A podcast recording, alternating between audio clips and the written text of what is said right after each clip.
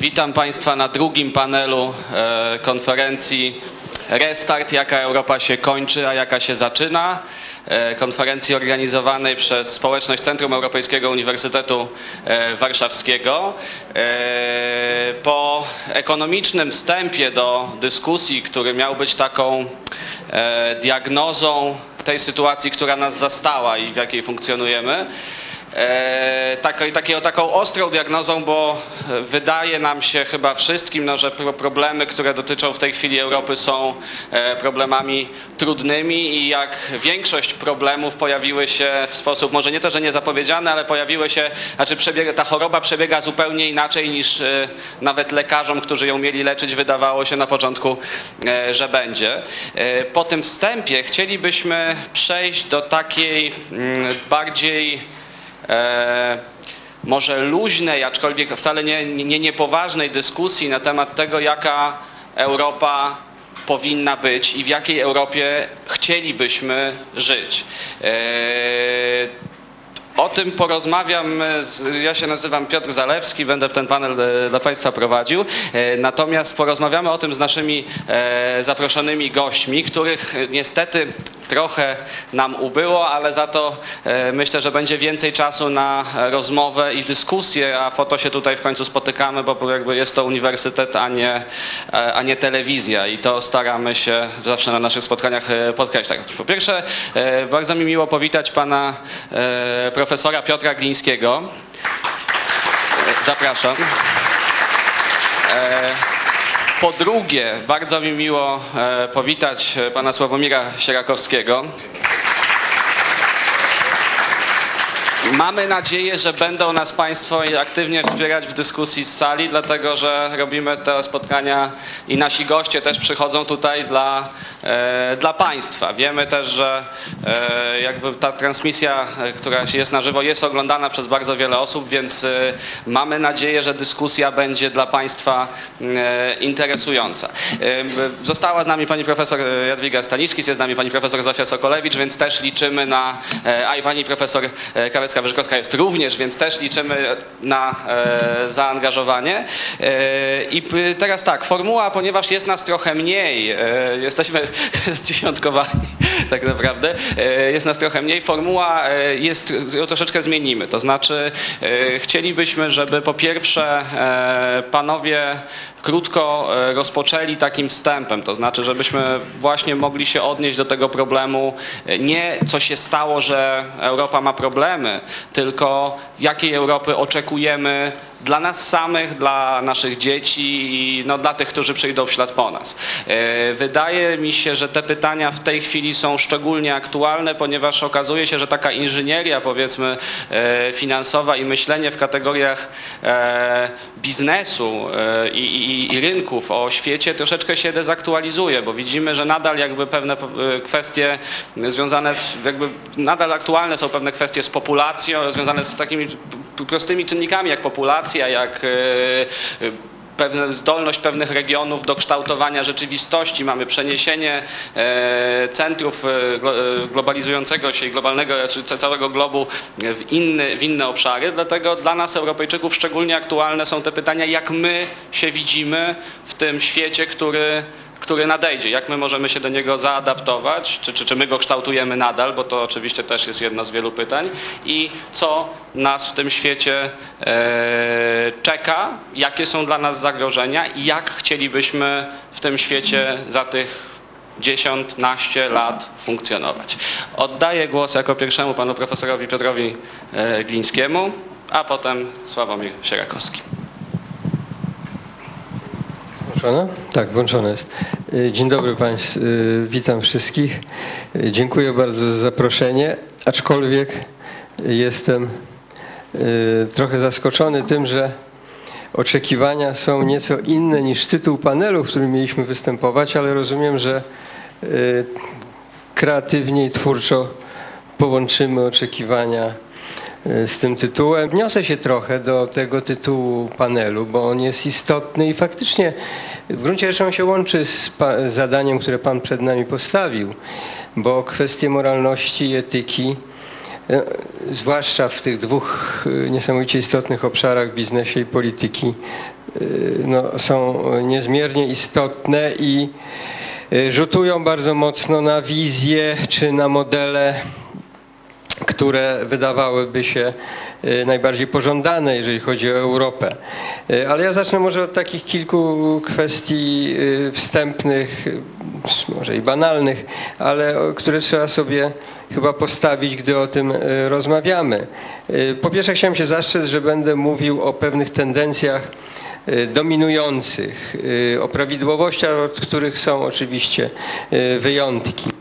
Y, I, będę mówił tezowo, no bo y, temat jest szalenie szeroki, więc y, może tezowo i wybiórczo częściowo. Y, Po drugie chciałem w związku z tym powiedzieć, że jest ewidentnym faktem, przynajmniej dla mnie, że świat współczesny niewątpliwie jest w kryzysie i moralnym y, i moralność y, nie jest istotna w świecie współczesnym. Jest wartością, wymogiem podrzędnym. Kodeksy etyczne służą głównie do maskowania braku zasad moralnych. Rzadko gdzie funkcjonują. I oczywiście ten stan rzutuje także na to, co się dzieje w Europie. Y, Te prawidłowości, o których tak ogólnie powiedziałem, y, są dostrzegalne szczególnie w obszarze biznesu i etyki. Y, I generalnie, generalnie można mówić tu o dwóch takich charakterystycznych zjawiskach. Po pierwsze o relatywizmie wartości i to jest oczywiście opisane w literaturze, nie będę w to wchodził szczegółowo, dlaczego tak jest. Y, No jesteśmy w takim kryzysie między innymi dlatego, że w zasadzie nie ma żadnych trwałych, niepodważalnych wartości. Wszystko jest, czy ma być relatywizowane. Y, I po drugie obserwujemy bardzo znamienne zjawisko, co jest związane jedno z drugim. Przejścia powiedziałbym tak bardzo ogólnie, y, antywartości, zła czy występku z poziomu tego, co socjologowie nazywają wartości realizowanych, gdzie one zawsze były, bo jesteśmy ułomni, do sfery wartości uznawanych. I to jest nowa jakość od pewnego czasu, zwłaszcza wyraźnie widoczna w biznesie i w polityce. W zasadzie y, nie ma wstydu. To, co kiedyś było potępiane, co no, było realizowane, ale nie uznawane, staje się uznawane. W tej chwili zarówno w biznesie, jak i w polityce staje się coraz bardziej akceptowaną normą. I w takim świecie żyjemy i przez y, pryzmat takiej tezy bym patrzył na to, co się dzieje w Europie i jak wygląda ta relacja pomiędzy Polską a Europą, bo rozumiem, że pierwszy człon tego panelu, co nas łączy, co nas dzieli, to odnosi się do tego, co jest, między, co jest w relacji między Europą a Polską. Y, Dowody na to, że tak jest, jak powiedziałem, no jest, y, tych dowodów jest bardzo dużo. Y, Cały ten obszar postpolityki, marketingu politycznego, który opiera się przecież na manipulacji, a manipulacja nie ma nic y, wspólnego z moralnością, wręcz przeciwnie. Ja mógłbym dużo mówić o swoich doświadczeniach ze świata polityki, w który w którym się znalazłem y, dość y, nagle y, i spędziłem tam pięć miesięcy i jeden tydzień i w zasadzie całe te doświadczenia ugruntowują tą tezę.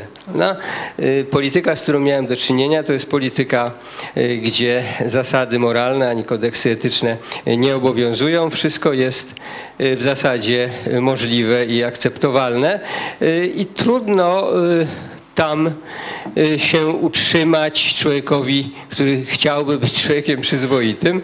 Y, Boję się, że, y, że no tak jak to się zresztą mówi, to nie jest nic odkrywczego, nasiąka się bardzo szybko tym stylem funkcjonowania, chociaż ja bym powiedział, że nie jest to sprawa beznadziejna i może w innych w innych okolicznościach y, mógłbym się podzielić Państwu pewnymi doświadczeniami pozytywnymi. Y, No jeżeli chodzi o biznes, to tych dowodów na to, że żyjemy w świecie kryzysu jest znacznie więcej. Przyczyny obecnego kryzysu ekonomicznego, tego z 2008 roku są tego dowodem doskonałym. Dwa aspekty tego kryzysu. Po pierwsze, że to był kryzys, który nas zaskoczył, mówię w cudzysłowie, ale praktycznie zaskoczył, czyli cała wielka klasa polityczna, ekonomiczna, yy, ekspercka udawała, że to nie nastąpi. No. Y, A po drugie, że no, głównym mechanizmem tego kryzysu no, była nadprodukcja y, bezwartościowych instrumentów finansowych, które opierały się, tworzone były i, i, i ta ich y, nadprodukcja powstała w toku działań niemoralnych, no, oszustwa po prostu. No. I tak, tak to zawsze jest, że później ktoś ponosi tego konsekwencje. Na ogół ponoszą konsekwencje ci słabsi. W biznesie mamy bardzo wiele przykładów na to. No, mówię o marketingu politycznym. Y, Marketing y, biznesowy, reklama jest oparta dokładnie na tych samych amoralnych mechanizmach. My się na to wszystko codziennie godzimy. Prawa, które ustanawiamy, zresztą prawie dwa słowa jeszcze, y, to wszystko akceptują. Innym przykładem jest tak zwana Corporate Social Responsibility, CSR, na który służy do celów wizerunkowych. To nie ma nic wspólnego oczywiście z żadną odpowiedzialnością.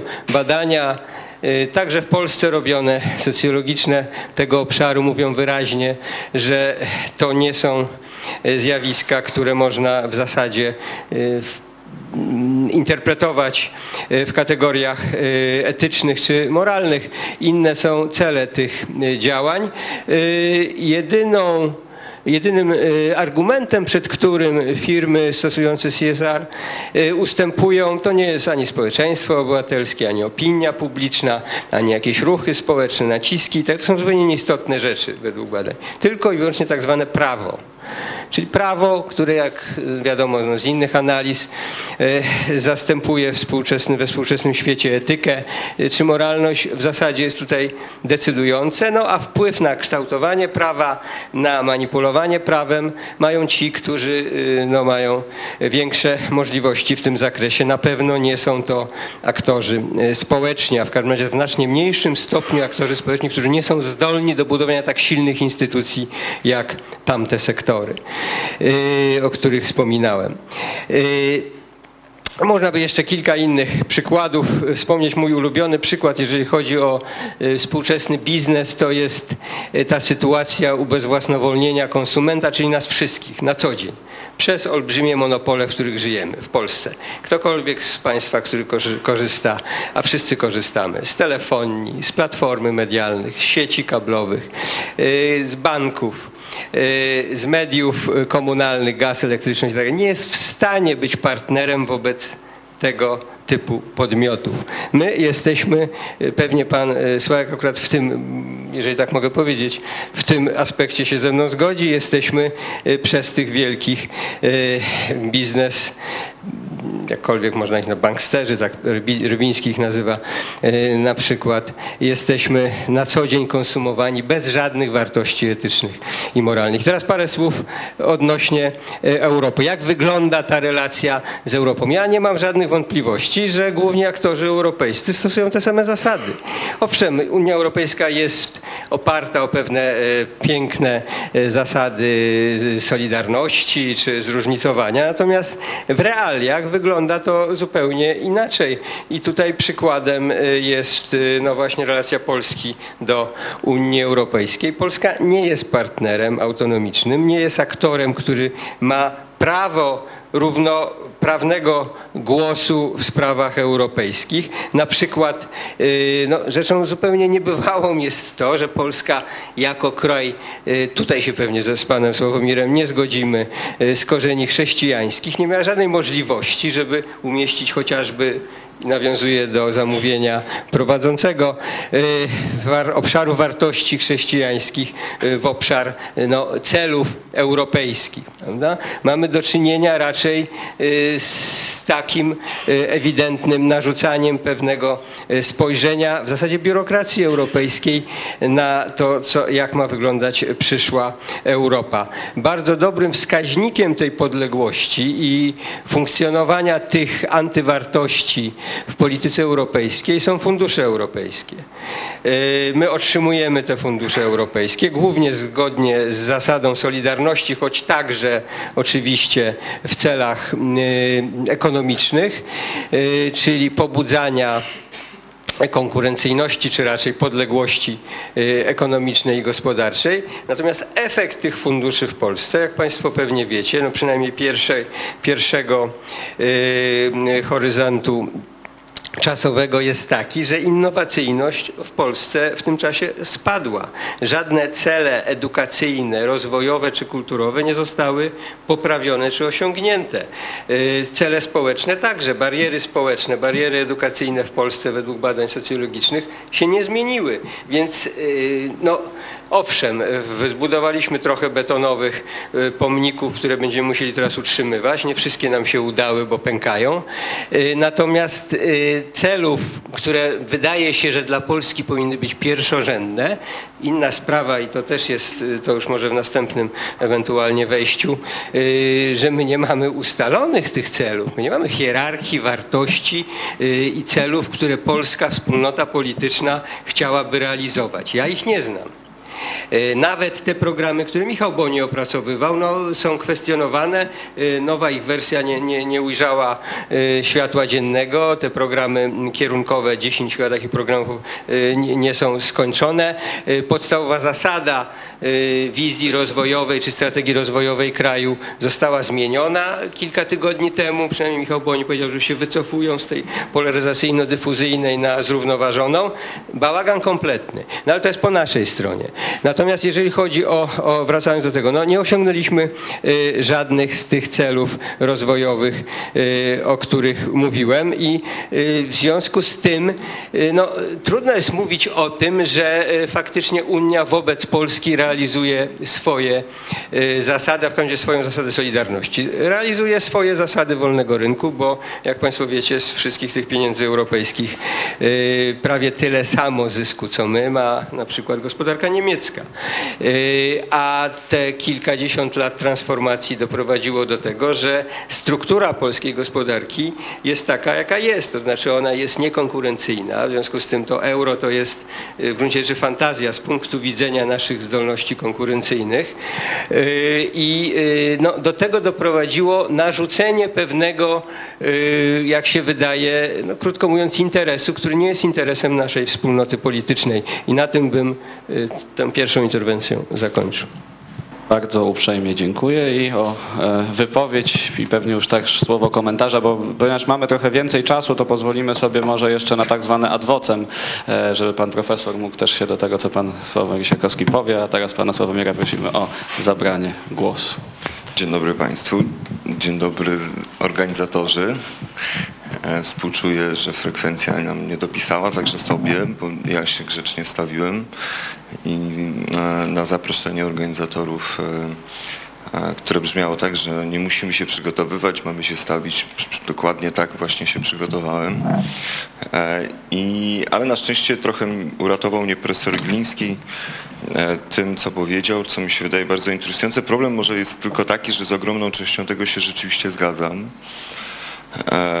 Choć e, tu wypada może poczynić takie zastrzeżenie, że jak tak doświadczony, inteligentny człowiek jak profesor Gliński dał się tak bardzo zaskoczyć e, na przykład obecnością marketingu politycznego w polityce i się na te pięć miesięcy i jeden tydzień e, tak przemęczył. Em, e, E, ale no nic, no, każde doświadczenie, rozumiem, wzbogaca, także i to. E, Natomiast e, zgadzam się e, na pewno w tym punkcie i to mnie boli. Tu zresztą nie ma dużego zaskoczenia między ludźmi, którzy identyfikują się z wartościami konserwatywnymi i tymi, którzy, tak jak ja, identyfikują się z wartościami socjaldemokratycznymi. Ja sobie je tak wyobrażam, czy, czy, czy, czy chciałbym czerpać z inspiracji od takich osób jak na przykład Jacek Kuroń, którego mam nadzieję jeszcze młodzież tutaj jakoś pamięta i nie tylko jako takiego starszego gawędziarza z, z telewizji, ale jako rzeczywiście bardzo e, ciekawego e, e, także pisarza politycznego i bardzo odpowiedzialnego stratega politycznego, bo to był przecież strateg w czasach najtrudniejszych, czyli wtedy, kiedy był głównym strategiem polskiej opozycji demokratycznej. E, e, I też e, to był e, zaskakujący dość przełom w 1989 roku, który e, był o tyle zaskakujący, że mm, e, inteligencja e, z którą się wtedy identyfikowano i tak e, definiowano opozycję demokratyczną. Etos inteligencki, e, który był etosem opozycji demokratycznej, podobnie jak od mniej więcej połowy XIX wieku, jeśli nawet nie od filomatów i filaretów, właściwie każdego pokolenia zaangażowanego w Polsce, nagle automatycznie, choć tak skuteczny się okazał przecież przed 1989 rokiem, został zupełnie uznany za anachroniczny. To przecież nie inteligencja, tylko klasa średnia miała budować w Polsce nowy system wartości. Co więcej, ten system wartości też miał mieć raczej charakter, w którym etos jest pojęciem przestarzałym. To była raczej klasa średnia bez etosu, ponieważ etos raczej jako anachronizm potraktowany mógłby stanowić przeszkodę dla modernizacji. Tak się wtedy rozumowało w największym skrócie. Jeśli uważano na przykład, sądząc błędnie, jak, są, jak mi się wydaje, że w ten sposób budujemy w Polsce Zachód, że że to, czego potrzebują ludzie dzisiaj, to jest przede wszystkim sfera prywatna, w której będą budowali swój indywidualny dobrobyt, karierę i sukces, a to, a to, co ma raczej napędzać polską nową gospodarkę, to są te małe nasze egoizmy, które nagle zyskały przynajmniej pewną obietnicę, że się połączą jakoś, zagregują skutecznie, niewidzialna ręka rynku je połączy w ogólny dobrobyt i wówczas właściwie z dnia na dzień etyki, wszelkie etyki altruistyczne, jeśli nie straciły na znaczeniu w ogóle, to przynajmniej zostały, zmieniły swój status, to znaczy stały się czymś, co jest trochę nieżyciowe przede wszystkim, czymś, z czym nie należy iść w życie z przekonaniem, że to jest skuteczny, pragmatyczny wybór. I to jest na pewno coś, co w ogromnej mierze także zepsuło polskie życie polityczne. Jeśli może się niedługo już zdarzy, że zbudowujemy w Polsce autostrady i, i stworzymy na, na, zachodnim poziomie porządną infrastrukturę, to bardzo trudno będzie jednocześnie uznać, że zbudowaliśmy sobie cywilizowaną infrastrukturę polityczną. Państwo, którzy jeździcie przecież pewnie na zachód i przyglądacie się temu, jak funkcjonuje życie polityczne na zachodzie. Ono wszędzie jest w kryzysie postpolitycznym, jak zauważył słusznie profesor Gliński, ale ono spada trochę z wyższego konia. To znaczy tam partie polityczne na przykład rzeczywiście są instytucjami społecznymi, są zakorzenione wśród innych instytucji społecznych, są otoczone całą ogromną ilością merytorycznych fundacji, związków zawodowych, rozmaitych innych instytucji, które sprawiają, że ten przepływ między opiniami, interesami społecznymi, a tym, co jest artykułowane następnie w sferze publicznej i na scenie politycznej, ma rzeczywisty charakter. W Polsce to jest trochę, to są takie trochę seriale telewizyjne. Jakbyście Państwo wyłączyli prąd w trzech największych telewizjach, to właściwie te partie znikają, jakby ich nigdy nie było. A z nimi właściwie nie znika nic, żadna instytucja społeczna. To jest faktycznie coś, co charakteryzuje w ogromnej mierze tę sferę postkomunistycznej Europy. Tu wszędzie jest, to wszędzie jest jeden z symptomów czy też z takiej regionalnej charakterystyki ogólnego kryzysu, w jakim znajdują się demokracje liberalne na Zachodzie. I tu rzeczywiście panuje dość powszechna zgoda wśród socjologów, czy politologów, czy, czy, czy takiej systematycznej humanistyki. Liberałowie mogą powiedzieć, że to jest brak kapitału społecznego. Konserwatyści w innym słowniku wyrażają to samo, mówiąc o zaniku wspólnotowości. Socjaldemokraci mogą powiedzieć, że to jest właśnie zanik pewnego etosu inteligenckiego, czy na Zachodzie można byłoby powiedzieć po prostu kryzysu socjaldemokracji. To jest, to jest, to jest pierwszy punkt rzeczywistej zgody. Różnić moglibyśmy się zacząć wtedy, gdybyśmy przyjrzeli się bliżej temu, co profesor zarzucił Unii Europejskiej, z znaczy co ma zresztą dość ciekawą, ale dobrze w Polsce znaną konstrukcję, to znaczy czegoś nam się nie udało, czegoś nam się nie udało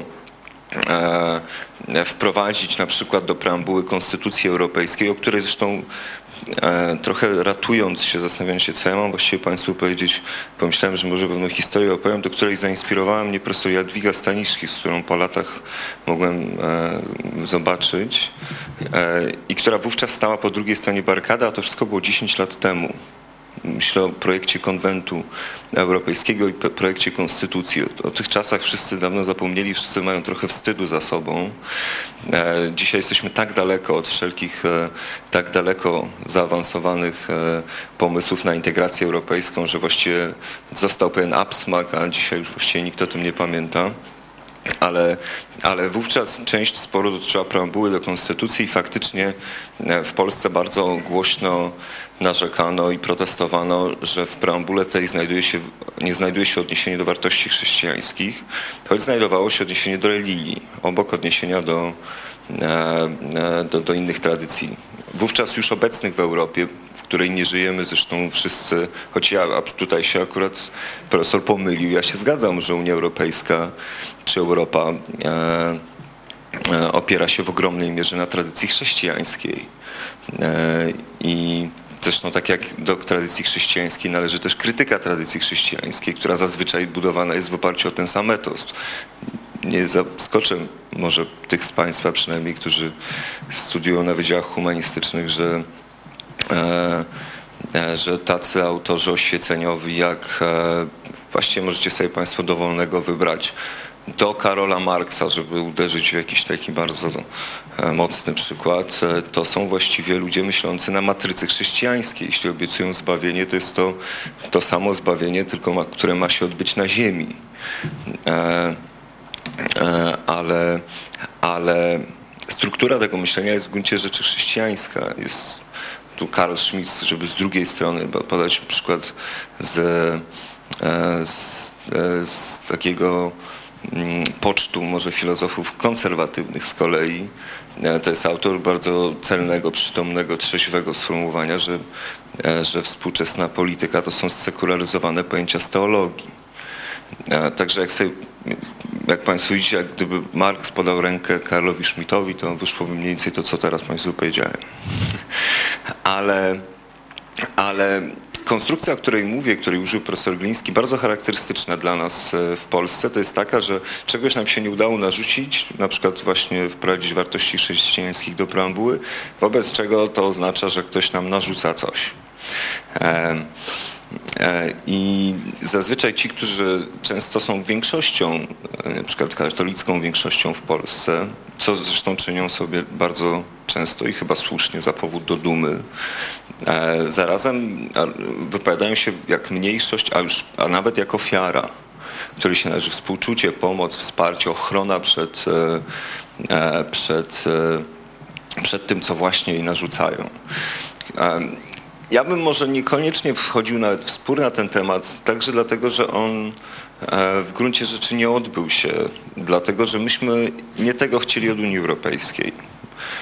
E, Najkrócej mówiąc, e, można byłoby to zdefiniować w taki sposób, że myśmy chcieli wejść do Europy, ale w taki sposób, żeby Europa nie weszła do Polski. To znaczy, że bardzo chętnie gotowi byli. I co więcej, mówiliśmy to wszystko zazwyczaj w języku liczb. W takim trochę najbardziej prymitywnym możliwym z języków. Procenty, liczby, kwoty. To był język rozmowy Unii Europejskiej. Nie rozmawialiśmy na przykład o tym, jak sobie w ogóle wyobrażamy integrację europejską. Nie przypominam sobie żadnej poważnej dyskusji w Polsce, choćby na taki już zdefiniowany wcześniej, nie przez nas, ale najoczywistszy z możliwych podział na Europę ojczyzn i sfederowaną Europę. Owszem, to się przewijało czasami e, w rozmaitych dyskusjach, ale nigdy nie było, nie miało swojej polskiej wersji tego sporu, co charakteryzowało pewną biedę tego, tego dyskursu, ale nie tylko to, ale także nie, nie, nie, chcę wcale narzekać tutaj, że jesteśmy nieprzygotowani, że jesteśmy za mało inteligentni, źle wykształceni. To jest też po prostu nieprawda. Raczej chcę powiedzieć, że, że, że nie to nas interesowało. To znaczy, myśmy rzeczywiście wyobrażali sobie to trochę tak, że nasze portfele i brzuchy i ręce do pracy może co najwyżej będą w Europie, ale nasza dusza i rozum pozostanie w Polsce. Więc tak, w takim szpagacie, jeśli tak można powiedzieć, wyobrażaliśmy sobie własną, własny akces do Unii Europejskiej. I tak się trochę to stało, znaczy tak się to trochę e, odbyło. To znaczy w dużej mierze e, chętnie braliśmy fundusze europejskie, zresztą które naprawdę ogromną rolę tu odegrały. Za czym jednak i, i tutaj i tu się pojawiało pojęcie solidarności, tu się pojawiał jakiś etos. On natychmiast znikał wtedy, kiedy Europa od nas czegoś chciała. I, I tutaj już z kolei w, żadne, w, żadne, w żadne spory etyczne czy w żadne dyskusje etyczne się nie chcieliśmy wdawać. Znaczy standardy moralności europejskiej, prawa kobiet, e, prawa mniejszości, rozmaite takie rzeczy, e, to było coś, co Europa nam może narzucić i przed czym się absolutnie należy bronić, czego nie należy, nie, nie, w ogóle nie, nie powinniśmy o tym myśleć, bo to jest jakiś produkt europejski, na pewno obcy. E, I I wydaje mi się, że jest, stoi za tym pewna niekonsekwencja, a przynajmniej pewien taki sposób myślenia, w którym my coś dajemy, ale na, my coś bierzemy, ale na pewno nic nie chcielibyśmy, chcielibyśmy w ogóle wybiórczo brać i nic od siebie też nie dawać. To znaczy, e, to jest coś, co, e, co wydaje mi się no, takim charakterystycznym dla tych ostatnich 20 lat sposobem myślenia o Europie. I tutaj uwaga na temat konkretnego tematu, o którym nam przyszło rozmawiać, czyli, czyli e, biznesu, roli biznesu czy, czy, czy, czy tych relacji między biznesem a moralnością. Biznes to my raczej chcieliśmy budować tak jak Amerykanie. To znaczy e, tak samo jak nie interesowały nas e, standardy moralne obecne w Europie, czy też bardzo się ich obawialiśmy. Tak samo też nie bardzo chcieliśmy brać pod rozwagę w modelu transformacji, w przyjmowanym modelu polityki gospodarczej rozwiązania europejskie. E, Całe spektrum dostępne w bardzo różnej i różnorodnej Unii Europejskiej właściwie nie mieściło się w żadnym spektrum dyskusji o tym, jak sobie wyobrażamy w Polsce wolny rynek. Gdyby było inaczej, to musielibyśmy się zmierzyć z, czy w ogóle wziąć pod uwagę e, takie rozwiązania, jakie są w krajach zachodniej Unii Europejskiej, które zazwyczaj oznaczają zupełnie inną politykę fiskalną i podatkową, które oznaczają inno, inny, inny rynek pracy, inną politykę pracy, inne prawo pracy, które także, i tutaj też się zaczęliśmy, kraj o, tra, o tradycji solidarnościowej.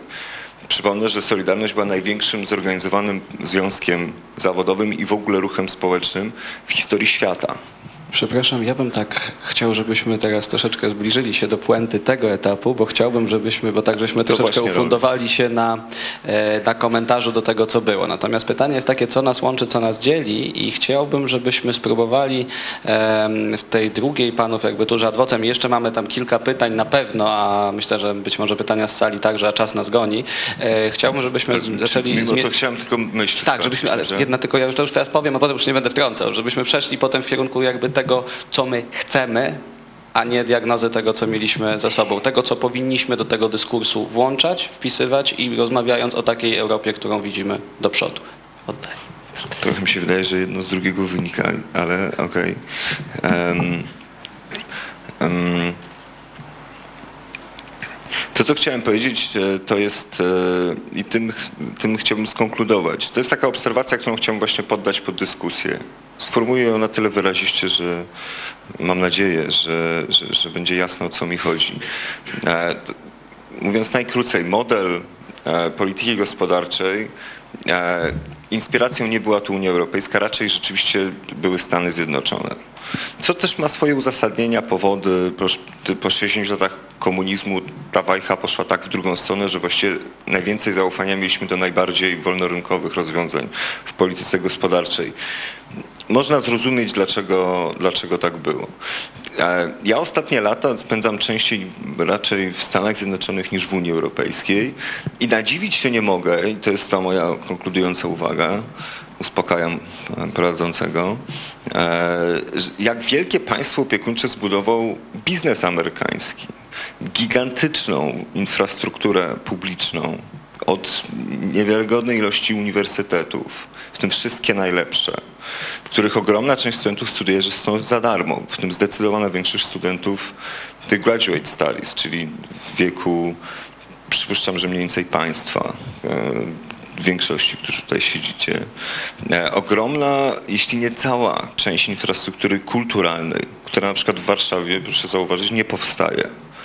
Po, 20, po ponad połowie e, czasu, który przypadł na PRL w najnowszej historii Polski, bo myślę, że transformacja trwa już około 23, wchodzi w 24 rok, czyli jest trochę więcej niż połowa, ile trwał PRL. W Polsce, e, w Warszawie, w stolicy cała kultura jedzie na tej szarej, starej już, sypiącej się infrastrukturze perelowskiej. Wydaje mi się, że to jest powód do, do ogromnego wstydu jednak i, i, że, i też zastanowienia. E, w tym czasie, i nie tylko w tym czasie, w Stanach Zjednoczonych, i tu mówię o odpowiedzialności biznesu, każdy, kto się dorobił, czy to był milioner, czy miliarder, od najmniejszych po Sorosza, Buffetta e, i wielu, wielu innych, E, czuł może nie społeczny przymus, ale społeczny nakaz dzielenia się z drugim. Znaczy tak wzbudowano, e, tak wzbudowano wspólnotę w społeczeństwie amerykańskim. E, I w Polsce myśmy wybiórczo z tego modelu korzystali. Pragnęliśmy takiej swobody gospodarczej, jaką mają, jaki, mają, jaki ma biznes w Stanach Zjednoczonych. Natomiast nie szły za tym żadne zobowiązania ze strony coraz bogatszego, całkiem już nieźle sytuowanego e, e, polskiego biznesu i, i, i, tej grupy najlepiej zarabiającej. Wydaje mi się, że, że to, i to jest moje ostatnie zdanie, o co warto byłoby w tej chwili zaapelować, albo to, czego, co warto byłoby w tej chwili promować, to już nie wyłącznie konkurencja, konkurencja od szkoły przez uniwersytet, rynek pracy aż po emeryturę, ale także umiejętność współpracy, umiejętność e, e, dzielenia się z drugim i gdyby Kościół, szkoła, rozmaite organizacje, takie jak moja, ale inne organizacje pozarządowe również, moglibyśmy razem e, e zbudować w tym kraju może nie model, idealny model dla Unii Europejskiej, ale przynajmniej model jakoś kompletny. To znaczy jakoś niewybiórczy, bo dotąd wydaje mi się, że, że, że one miały taki charakter. Dziękuję. Teraz głos wędruje do pana profesora Glińskiego. Bardzo bym prosił, żeby te komentarze nam faktycznie po parę minut i przejdziemy do pytań. To postaram się mówić krótko. E, najpierw e, odnoszę się do, odniosę się do trzech uwag pana Sławomira e, pana doktora, mianowicie ja nie byłem zaskoczony marketingiem politycznym, nic o tym nie mówiłem o żadnym zaskoczeniu, mówiłem tylko, że mogę się podzielić doświadczeniami.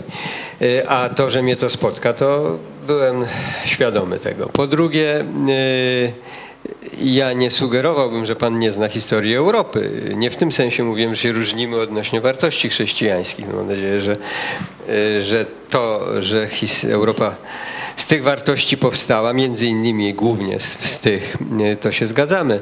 Y, natomiast chodzi o ciąg dalszy, że tak powiem. A ten ciąg dalszy jest istotny. I w związku z tym nie mówiłem o tym jako o no, taką, takiej sytuacji, prawda, stawiania się e, w, w, roli ofiary, która jest rozczarowana tym, że nam się nie udało naszych wartości narzucić Europie. Nie, nie, no nie o to chodzi.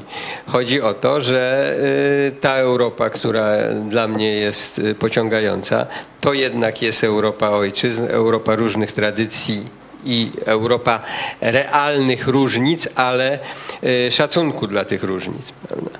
E, I w tym sensie mówiłem o wartościach chrześcijańskich, e, ponieważ za nimi stoją racje, za nimi stoją racje, a mianowicie w moim pojęciu dobra wspólnota polityczna powinna być oparta o, i tutaj wracamy do tematu dzisiejszego panelu, właśnie o pewien kanon wartości moralnych, które mogły mogłyby y, najlepiej czerpać z tradycyjnych i tych później rozwojowych, ewolucyjnych, bo y, pewnie można by wyprowadzić y, inne wartości czy inne kanony wartości jednak z tych podstaw chrześcijańskich. I dlatego y, ta tradycja chrześcijańska jest dla mnie tak istotna, y, a ona nie tylko w założeniach, nie tylko w preambule, ale przede wszystkim w praktyce jest łamana. I to na tym polega problem i moja niezgoda jakby na ten narzucany model europejski, model polski. Bo ten model europejski jest wizją pewnych grup interesu i to wyraźnie mówię, wyraźnie widać, że to jest i- wizja grup y, biurokratów politycznych europejskich i biurokratów y, gospodarczych, którzy, domin, które, którzy dominują w Europie. Jest to wizja niekorzystna dla naszego kraju. Y, Gdybyśmy mieli, gdybym miał odpowiedzieć na pytanie pana przewodniczącego, no moja wizja to jest oczywiście Europa ojczyzn, to jest, y, to jest wizja podmiotowości poszczególnych tych ojczyzn, a my tą podmiotowość tracimy y, i stajemy się bezradni wobec tego. Ja nieprzypadkowo mówię o tych funduszach, bo one są no, bardzo dobrym przykładem. No, tam jest sprzedawana pewna idea także i fakt, że my nie możemy tych funduszy wydawać zgodnie z naszą hierarchią potrzeb i y, mało tego, mam oczywiście problem jeszcze z tym, że demokracja w Polsce jest niedojrzała, a Europa na to patrzy y, zupełnie obojętnie, jakby jej na tym nie zależało. Widocznie jej nie zależy.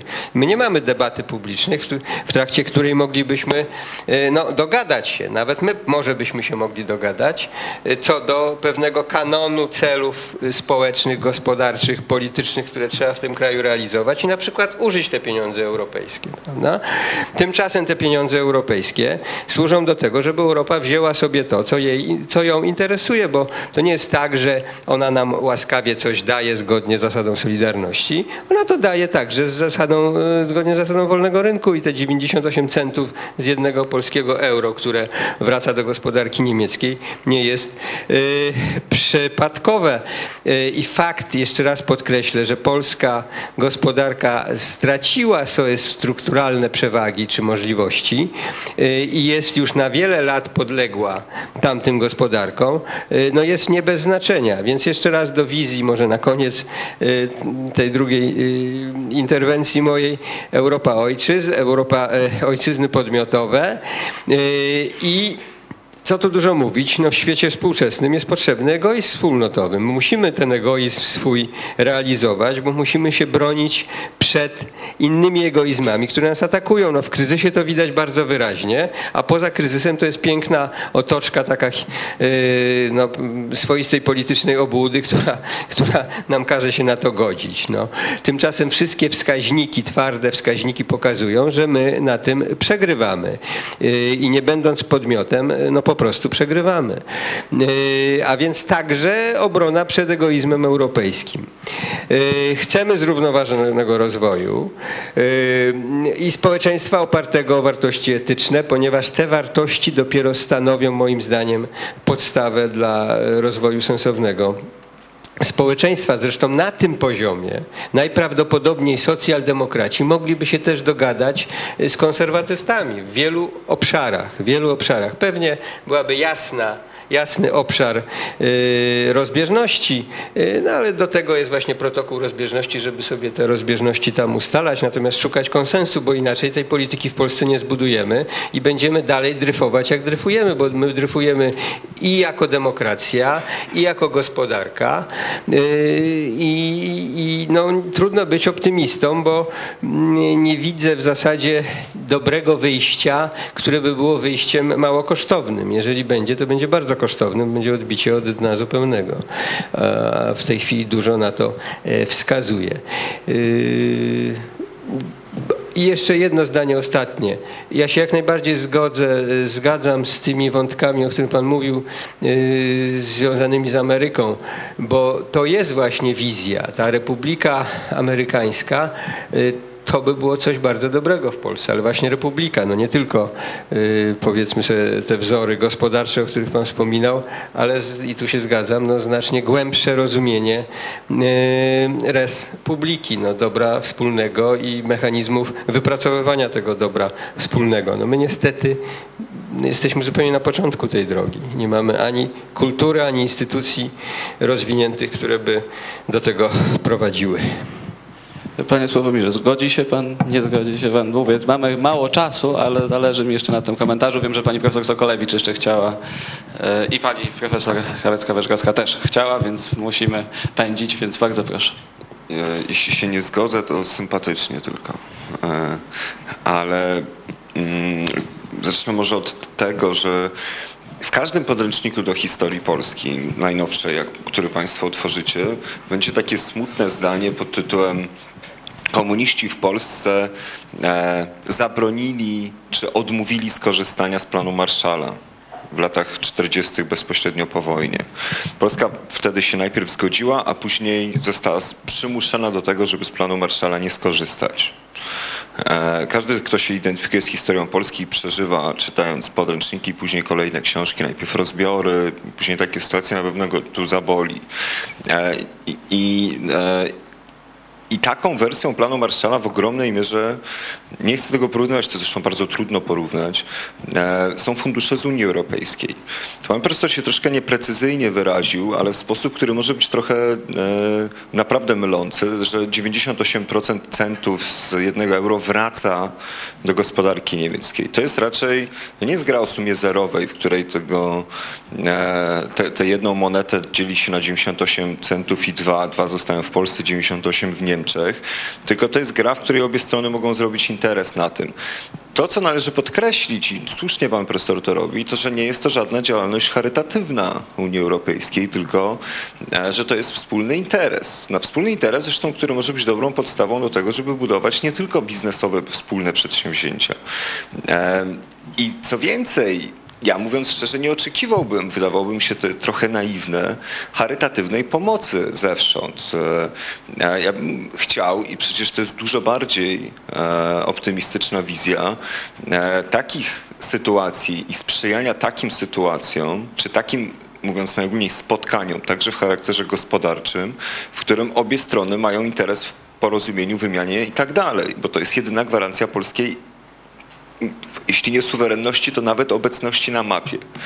E, Obawiam się, chociaż zgadzam się z panem profesorem, że specjalnie przesadnie romantyczne wizje pod tytułem e, nie wiem, ileś, iluś naszych sąsiadów kiedyś e, zawierało święte przymierze, a dzisiaj zawrze święte przymierze na rzecz tego, żeby e, Polsce pomagać charytatywnie, to byłaby, to byłaby trochę wizja no, przesadnie optymistyczna i należy oczywiście widzieć różnice interesów i zgodności interesów i sprzyjać sytuacjom, w których te interesy są zgodne.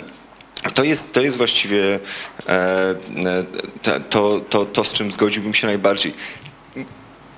U pana profesora troszkę i w tym e, miejscu politycznym, w którym się pan profesor e, e, szczęśliwie lub nieszczęśliwie znalazł, często od takiego e, od takiego dystansu do, do myślenia w kategoriach właśnie charytatywnych Unii Europejskiej przechodzi się do e, symetrycznie odwrotnego myślenia o tym, że nam zagraża że tu nie może być zgodności interesu, że tutaj na wszelki wypadek należy założyć e, pewną wrogość. Wydaje mi się, że to jest również niebezpieczne i też naiwne e, e, podejście do Unii, Unii, Europejskiej. Na pewno nie stanowi żadnego punktu wyjścia do jakiejś sensownej, inteli- inteligentnej współpracy gospodarczej, kulturalnej, wszelkiej innej. I tu już widzę, jak prowadzący bierze mikrofon, więc się może wycofam na razie.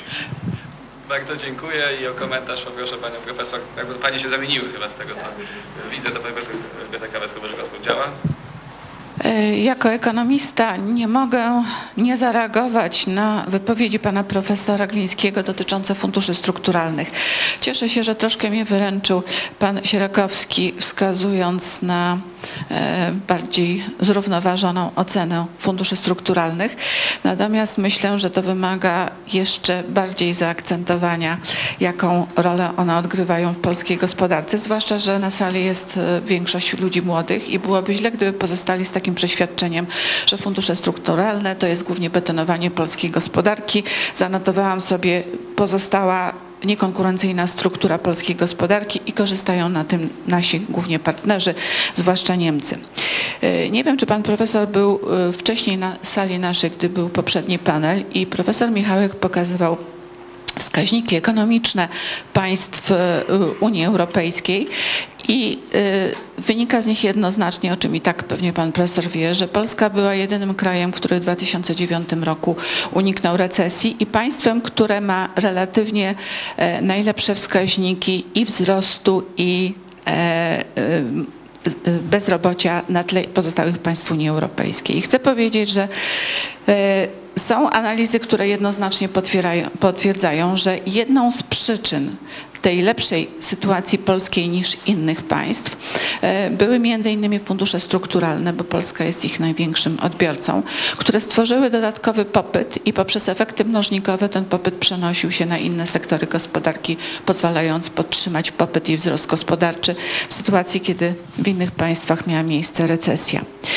E, To jest jedna rzecz. Po drugie, Oczywiście jest mnóstwo przykładów złego wykorzystania funduszy, typu to, że drogi y, pękają, to, że powstało y, dużo akwaparków czy innych obszarów, powiedzmy, rozrywki. I teraz jest problem, jak to utrzymać. Ale moje pytanie jest takie, czy to oznacza, że y, złe są pieniądze, które mogliśmy wykorzystać w gospodarce, czy my je źle wykorzystaliśmy. To, że drogi są źle budowane, to jest nasza wina, że nie dopatrzyliśmy, aby w sposób właściwy, żeby zapewnić właściwą jakość tego. Natomiast myślę, że wszyscy się zgodzimy z tym, że mamy jeszcze bardzo dużo do zrobienia, w cudzysłowie do tego zabetonowania, żeby stworzyć minimalne co najmniej warunki sprzyjające na przykład przyciąganiu inwestorów zagranicznych. Y, Warszawa do dzisiaj nie ma obwodnicy, jako chyba jedno, jedna z niewielu stolic y, europejskich.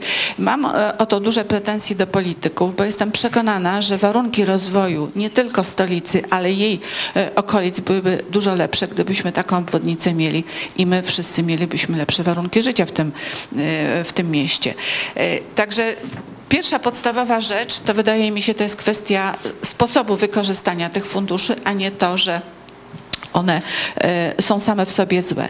E, Nie do końca zrozumiałam, na co te środki powinny być wykorzystywane, ale domyślam się z wypowiedzi pana profesora, że powinny być na e, tworzenie nowych wartości. Ja chcę powiedzieć, że to, co pan Sierakowski powiedział, to są pieniądze, których nikt nam nie daje tylko dlatego, żeby podzielić się z kimś swoim bogactwem, tylko w dobrze rozumianym ekonomicznym interesie. A to oznacza, że pieniądze unijne mają być wydawane na poprawę rozwoju gospodarczego, na tworzenie warunków tego rozwoju w przyszłości, czyli szeroko rozumianą poprawę konkurencyjności. Nie zawsze tak jest, ale wina nie leży po stronie dających, tylko po naszej stronie, w jaki sposób to wykorzystujemy. I może e, na zakończenie, żeby lepiej zapamiętać rolę tych funduszy, to chcę powiedzieć coś, co kiedyś e, Określenie, którego kiedyś użył e, ówczesny minister Olechowski odpowiadający za negocjacje Polski z y, ówczesną EWG e, w sprawie układu stowarzyszeniowego na początku lat 90. Mianowicie im bardziej będzie zamożny nasz sąsiad, tym my będziemy zamożniejsi. Nawet jeżeli by y,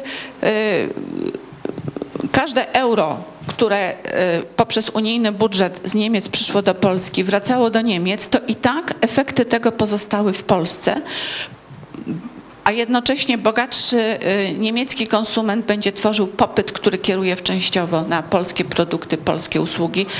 Zamożniejszy Niemiec będzie przyjeżdżał do Polski, żeby tutaj odpocząć, żeby tutaj zainwestować i korzyści z tego będziemy również mieli my. Także w żadnym wypadku nie mogę przyjąć y, takiego, takiej oceny funduszy strukturalnych, że y, w ich wyniku Polska znaczy chcę być precyzyjna, żeby nie przekręcić wypowiedzi pana profesora, ale nie mogę się zgodzić z tą negatywną oceną, że jednostronnym beneficjentem tych środków są państwa, e, które mm, poprzez unijny budżet przekazują te środki, bo e, Drugi do, taki do zapamiętania element, który, mm, którego użył pan Sierakowski, żeby właściwie ocenić, to nie jest gra o sumie zerowej, tylko to są środki, które są pomnażane i które przynoszą korzyści wszystkim partnerom. A że nie, te korzyści nie są w pełni takie, jakie byśmy oczekiwali, no to możemy po prostu sami popracować nad tym, jak je zmienić. I teraz jest okazja, bo nowy unijny budżet jest przygotowywany i Polska ponownie będzie największym beneficjentem tych środków. Dziękuję. To teraz poproszę o głos panią profesor Sokolewicz, potem parę dosłownie, dwa pytania, bo za chwilę spokojnie, za, będzie, będzie jeszcze chwilka, natomiast wjechaliśmy już trochę na przerwę, mamy następnych panelistów na sali, e, więc e, musimy niestety tą dyskusję naszą trochę uczesać, dlatego, dlatego proszę o ten komentarz i potem będziemy Ja dosłownie... spróbuję bardzo krótko. Y, Trudno mi właściwie skomentować tak bogate wypowiedzi pana profesora Glińskiego, pana doktora Sierakowskiego. Y, Boję się, że otworzyłabym wtedy jakąś taką niezmierzoną otchłań y, różnych szczegółowych kwestii. Y, Dlatego pamiętając, że poszczególne panele tworzą jednak pewną całość, że one wzajemnie się wspierają. Chciałabym y, nawiązać do y, zarówno tych wypowiedzi, jak i poprzedniego y, panelu i chciałabym podkreślić dwie rzeczy. Po pierwsze, że wydaje mi się, że nasze ustalenia z naszych, wynikające z naszych badań y, naukowych y, zbyt y, wolno przekazywane są y, szerokiemu y, społeczeństwu. Że y, no, taka prosta sprawa, y, pan profesor Gliński y, mówił tutaj o etyce biznesu, to wszystko jest prawdziwe i bardzo słuszne, ale przecież myśmy już w latach y, 90., a chyba nawet wcześniej wiedzieli o zjawisku, które powstaje, o Niektórzy z autorów nazywali to trzecią kulturą, y, że powstają, powstaje taki poziom y, decyzyjny y, wielkich korporacji, instytucji finansowych, mas mediów ponad społecznościami narodowymi.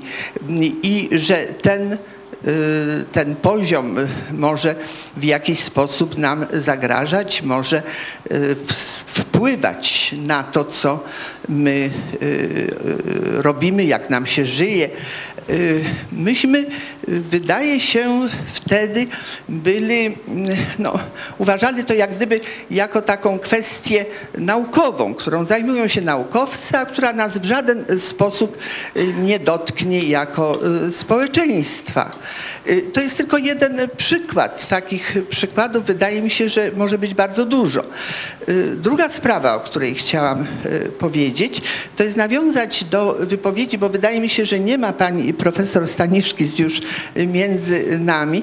Y, Pani profesor, tak jak zresztą i w poprzednim roku, y, mówiła o y, procesach długiego trwania o tym, w jaki sposób pewne zdarzenia, pewne procesy, które miały miejsce tysiąc i więcej lat temu, w jaki sposób one odbiły się w naszych instytucjach, a pośrednio odbiły się w naszym y, myśleniu.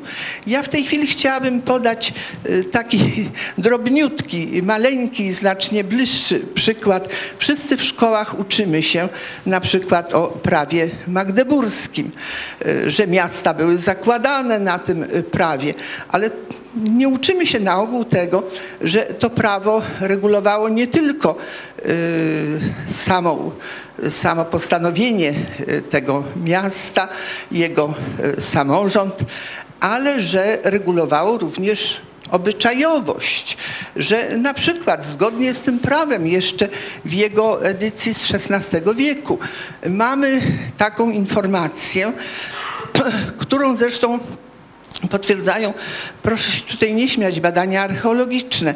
Y, Mam badania y, swojej y, koleżanki z Wydziału Historycznego Uniwersytetu.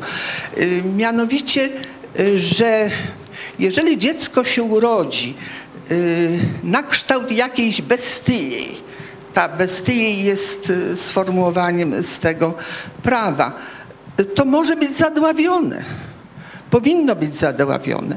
A w każdym razie nie będzie miało takiego pochówku, jakie, jaki powinien przysługiwać dziecku ochrzczonemu, dziecku, które jest w pełni częścią wspólnoty pochówki takich dzieci w takich y, pojemnikach, takich y, naczyniach zasobowych właściwie y, ceramicznych znajdują archeologowie w określonych miejscach, już o szczegółach nie będę mówiła, ale chciałabym powiedzieć, że szczątki tego myślenia przecież są w naszym myśleniu do dzisiaj kiedy dyskutujemy sp- sprawy niesłychanie ważne, sprawy życia.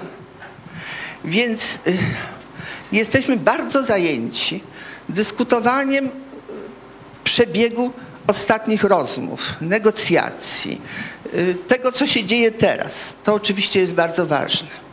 Ale wydaje mi się, że w dużej mierze zapomnieliśmy, że na szerszą skalę powinniśmy brać pod uwagę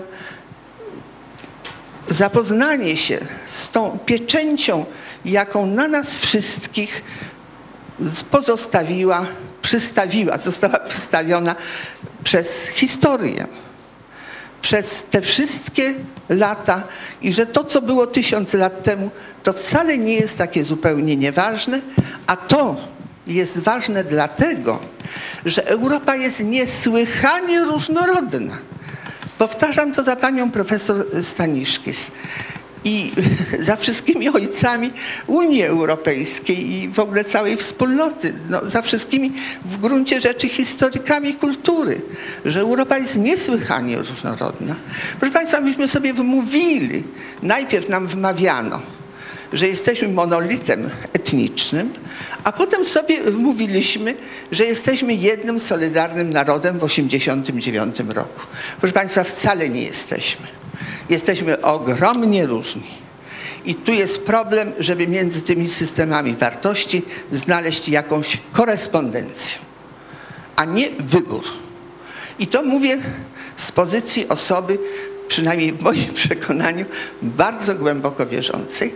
No i z pozycji moich lat, kiedy ja już zbliżam się do, że tak powiem, no bardziej końca mojego życia niż jego początku. E, tam świetnie pani Dziękuję profesor bardzo. Oby jak najdłużej, pani profesor. Bardzo dziękujemy. Już zabieramy mikrofon.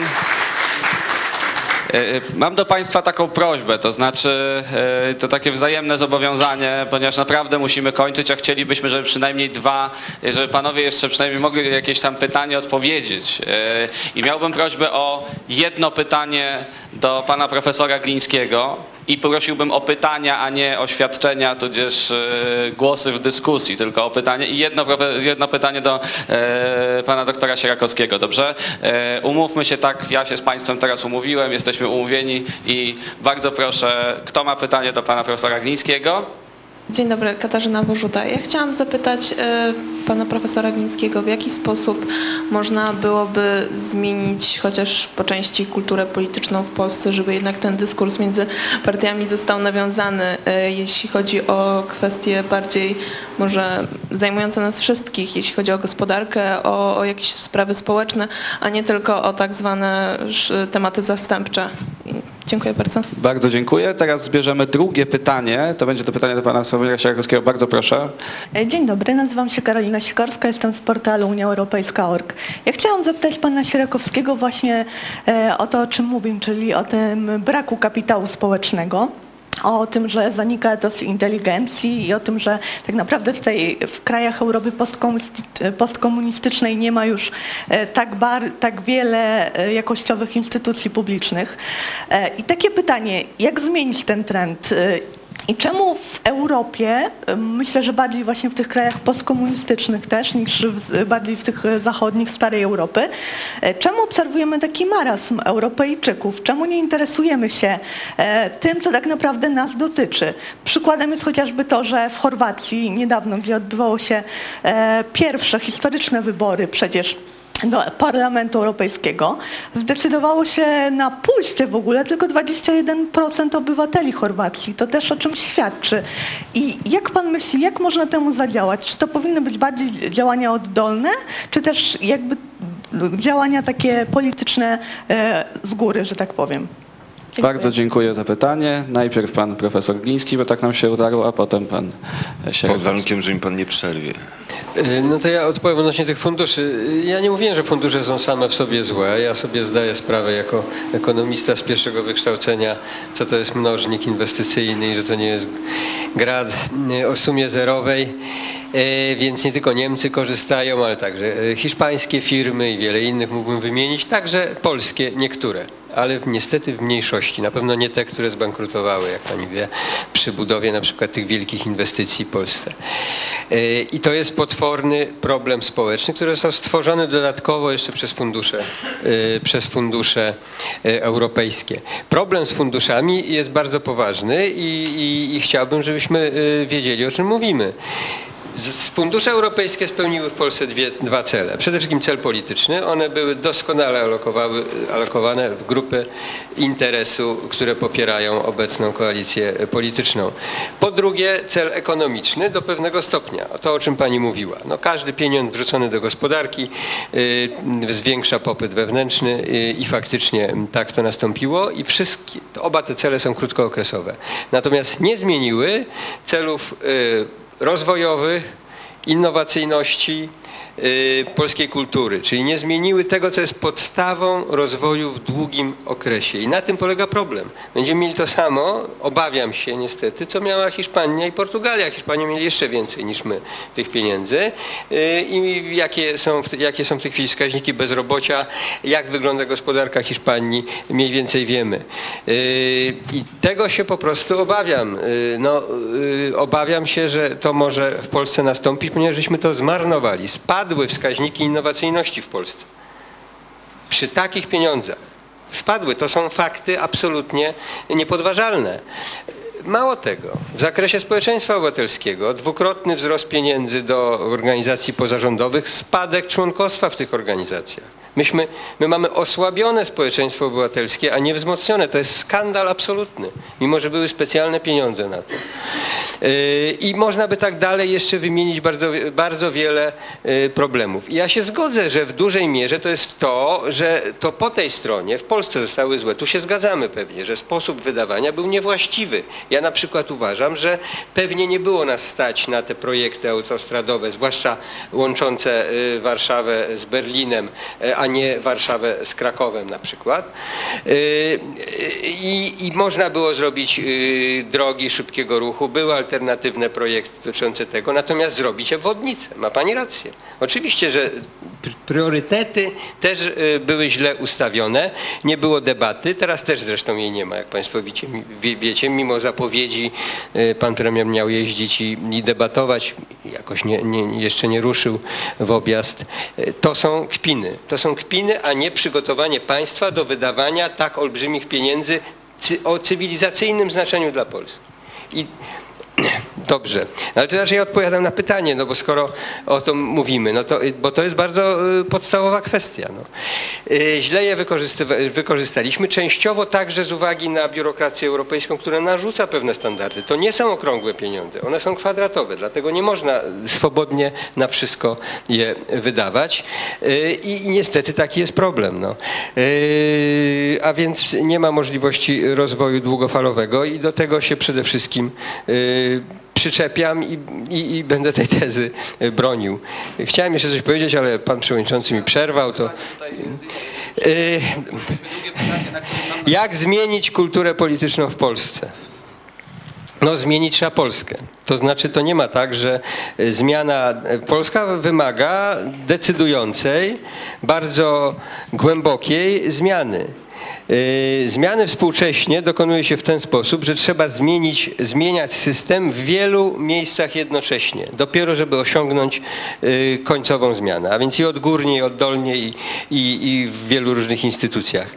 Y, Jednej instytucji zmieniając nic nie zrobimy. Musimy budować i zmieniać instytucje, żeby faktycznie wpłynąć na zmianę kultury politycznej. Oczywiście kulturę polityczną także można przez przykład własny wprowadzać. No, y, można próbować politykę zmieniać przez to, że z uporem mówić, że będziemy mówili o programach i merytoryczności, a nie o wrzutkach i to, co panią interesowało, prawda? To zmieni tylko częściowo. Trzeba jednocześnie zmieniać bardzo wiele instytucji, od edukacji poprzez społeczeństwo obywatelskie, które jest słabe, nie pełni swoich funkcji w demokracji, y, instytucji politycznych, prawa opozycji na przykład. Dlaczego w Polsce jest zamrażarka polityczna? No, no mniejsza o to, no, se- sejmowa. Nie będę mówił o wszystkim, ale no nie ma innej zmiany jak poprzez budowę y, instytucji y, i szukania jednak y, punktów wspólnych. No tu się zgodzę z tymi wypowiedziami, które mówiły, y, pani profesor też mówiła, y, że my musimy się komunikować. No i to też myśmy podkreślali chyba. No. Niezależnie od y, różnic musimy się komunikować, bo będziemy skazani na zajadłą wojnę wyniszczającą, a nie my z tego się będziemy cieszyć, tylko zupełnie ktoś inny. Dziękuję. Państwo się trochę znęcacie nad nami tymi pytaniami, co mam nadzieję, że przynajmniej sobie zdajecie z tego sprawę.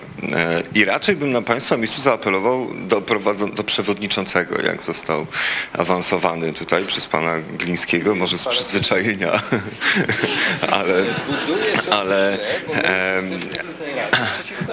ale to już sobie Państwo wyjaśnicie między sobą, Panowie, ale Między nami właśnie jest zgoda, ale pan zbudował tą koalicję. To dla pana jest No niebezpieczne. tak często bywa niestety, że jak się dalej usiądzie, to... Jak Państwo widzicie, potrafię budować kapitał społeczny. E, natomiast, e, mm, natomiast raczej bym zaapelował do, do przewodniczącego o to, żeby e, różnić się coraz bardziej jednak od e, mediów e, właśnie komercyjnych, które mają już takie ośmiu, a właściwie już teraz sześciominutowe formaty. Ja przestałem z tego powodu, właściwie odmawiam wyłącznie e, od, od- odchodzenia tam, bo tam się właśnie nie da nic powiedzieć. Dajcie sobie trochę czasu i dajcie czas nam pogadać ze sobą, to byśmy na rozmaite trudniejsze pytania może, może porozmawiali, prawda panie profesorze? To potraktujmy to jako pilota i obiecuję, że coś Dobrze. wspólnie. A mówię to w ogóle całkowicie poważnie. Słuchajcie, to ma sens. E, e, ale, ale po, jednym, po jednym zdaniu spróbuję się e, odnieść do Państwa. Osobom, które zadały pytanie o sobie, przede wszystkim, które zadały pytanie do mnie, pewnie mi się nie uda, więc zapraszam na, może ja będę na papierosa, a Panią na co sobie Pani życzy. I, i, i wtedy, wtedy powiem, co na ten temat uważam, bo uważam, że pytanie Pani sformułowała idealnie. To znaczy, to jest dokładnie ten problem. Po jednym zdaniu.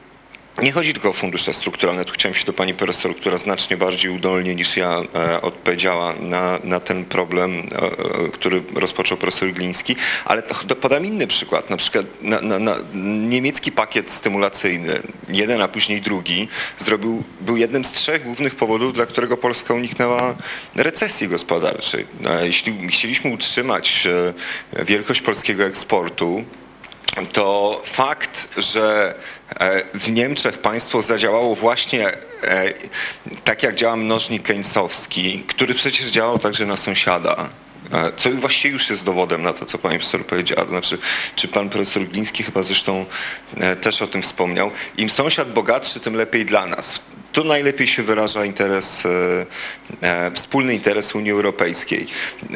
To, że miejsce Polski w międzynarodowym podziale pracy, podziale pracy jest takie, a nie inne, rzeczywiście wyjaśnia w ogromnej mierze historia. Tu mogę tylko dodać, że jak Państwo sobie weźmiecie rodzinną Europę Czesława Miłosza, to tam jest nawiązanie, że już od krodnik średniowiecznych Polska słynęła e, ze złych dróg. E, I rzeczywiście tak jest. Czy długie trwanie to aż e, u Brodela tysiąc lat, to nie jestem pewien, ale być może tak musi być w przypadku naszego kraju, który ma jedyną stolicę bez obwodnicy, jedyną Wisłę, jedyną rzekę, która jest nieuregulowana i chyba jedyny nie ma biblioteki, która jest czynna. E, Ta, dzi, dzisiaj to jest zaleta opóźnienia to, to advantage of backwardness, tak? Czyli, czyli dzisiaj to dobrze, może się jutro okazać, że dobrze, że nie mamy też innych rzeczy. Państwu polecam coś zrobić na przykład w tej sprawie, żebyśmy mieli jedną chociaż w Warszawie bibliotekę czynną dłużej niż do 12 w nocy. Nie wiem, BUF jest dalej do 21 tylko czynny. Sesji w nocy. W- W sesji jest w pó- później. Dobre i to, ale, ale naprawdę stać nas na to. W, w każdym uniwersytecie zachodnim, a ich jest naprawdę od cholery, te biblioteki są czynne dłużej. Można sobie przysiąść, posiedzieć, można sobie łatwiej podzielić czas na, na prywatny i poświęcony nauce albo pracy. To jest warte, to jest wartościowe, tu się zmieści nas więcej. To byłoby też miejsce dużo lepiej wykorzystane. Już jest zbudowano kasę, tu władowano dużo. Niech będzie te parę godzin dłużej czynne. E, E, dobra, odpowiadam na pytanie. E, Na pewno oddolnie. To znaczy i na pytania, które tu padły, także jeśli chodzi o kulturę polityczną do profesora Glińskiego i na inne, nie jestem fetyszystą działań takich grassroots, to znaczy takich, w których ruchy jednej sprawy drobnej e, zmienią wszystko, ale jestem fetyszystą przekonania, że angażuj się, działaj, rób, łącz ludzi, organizuj ludzi, przełam partykularną perspektywę, poświęć coś. To dzisiaj nie musi być życie, więzienie i tak dalej. To może być trochę z własnej kariery, trochę z własnego rozwoju uniwersyteckiego, ale jeśli zostanie dobrze, wspólnie, za przeproszeniem, zainwestowane, e, to, to się przyda wszystkim którzy w to wchodzą i jeszcze do tego dobru publicznemu dookoła. Ja to starałem się robić od wczesnych studiów. E, Wielu właśnie inspirując się etosem inteligenckim i powiem tak, zawsze w tym kraju istniała grupa ludzi, niestety niewielka, e, która miała ambicje chcieć trochę więcej niż pozwala na to status quo. Mam nadzieję, że i wśród Państwa znajdą się osoby, e, które takie ambicje będą miały. Dziękuję. Bardzo dziękuję. E, Myślę, że widzicie Państwo, czy ja się zgadzam z tym, że musimy też wydłużać i idziemy też jakąś taką formułę debat, bo przy takim powiedzmy krótkim czasie ciężko jest jakby mm, e, wycisnąć z panów, e, znaczy wycisnąć z naszych gości wszystko to, a przynajmniej jakąś zdecydowanie większą część tego, czym jesteśmy zainteresowani, czyli właśnie wymiany myśli, która zdarza się tylko hic nunc i nie ma z tego jakby potem no przynajmniej nie da rady tego zreferować inaczej albo zapytać o to oddzielnie. E, Bardzo panom uprzejmie dziękuję. Zapraszam państwa na dosłownie kilka minut e, przerwy. W następnym panelu spotkają się z państwem e, pan profesor Andrzej Harasimowicz, pani Elżbieta Kawecka-Wyżykowska, Krzysztof Wielecki i pan profesor Jan Barcz. A dziękujemy Sławomir- Sławomirowi Sierakowskiemu i profesorowi Piotrowi Iglińskiemu. Bardzo dziękujemy.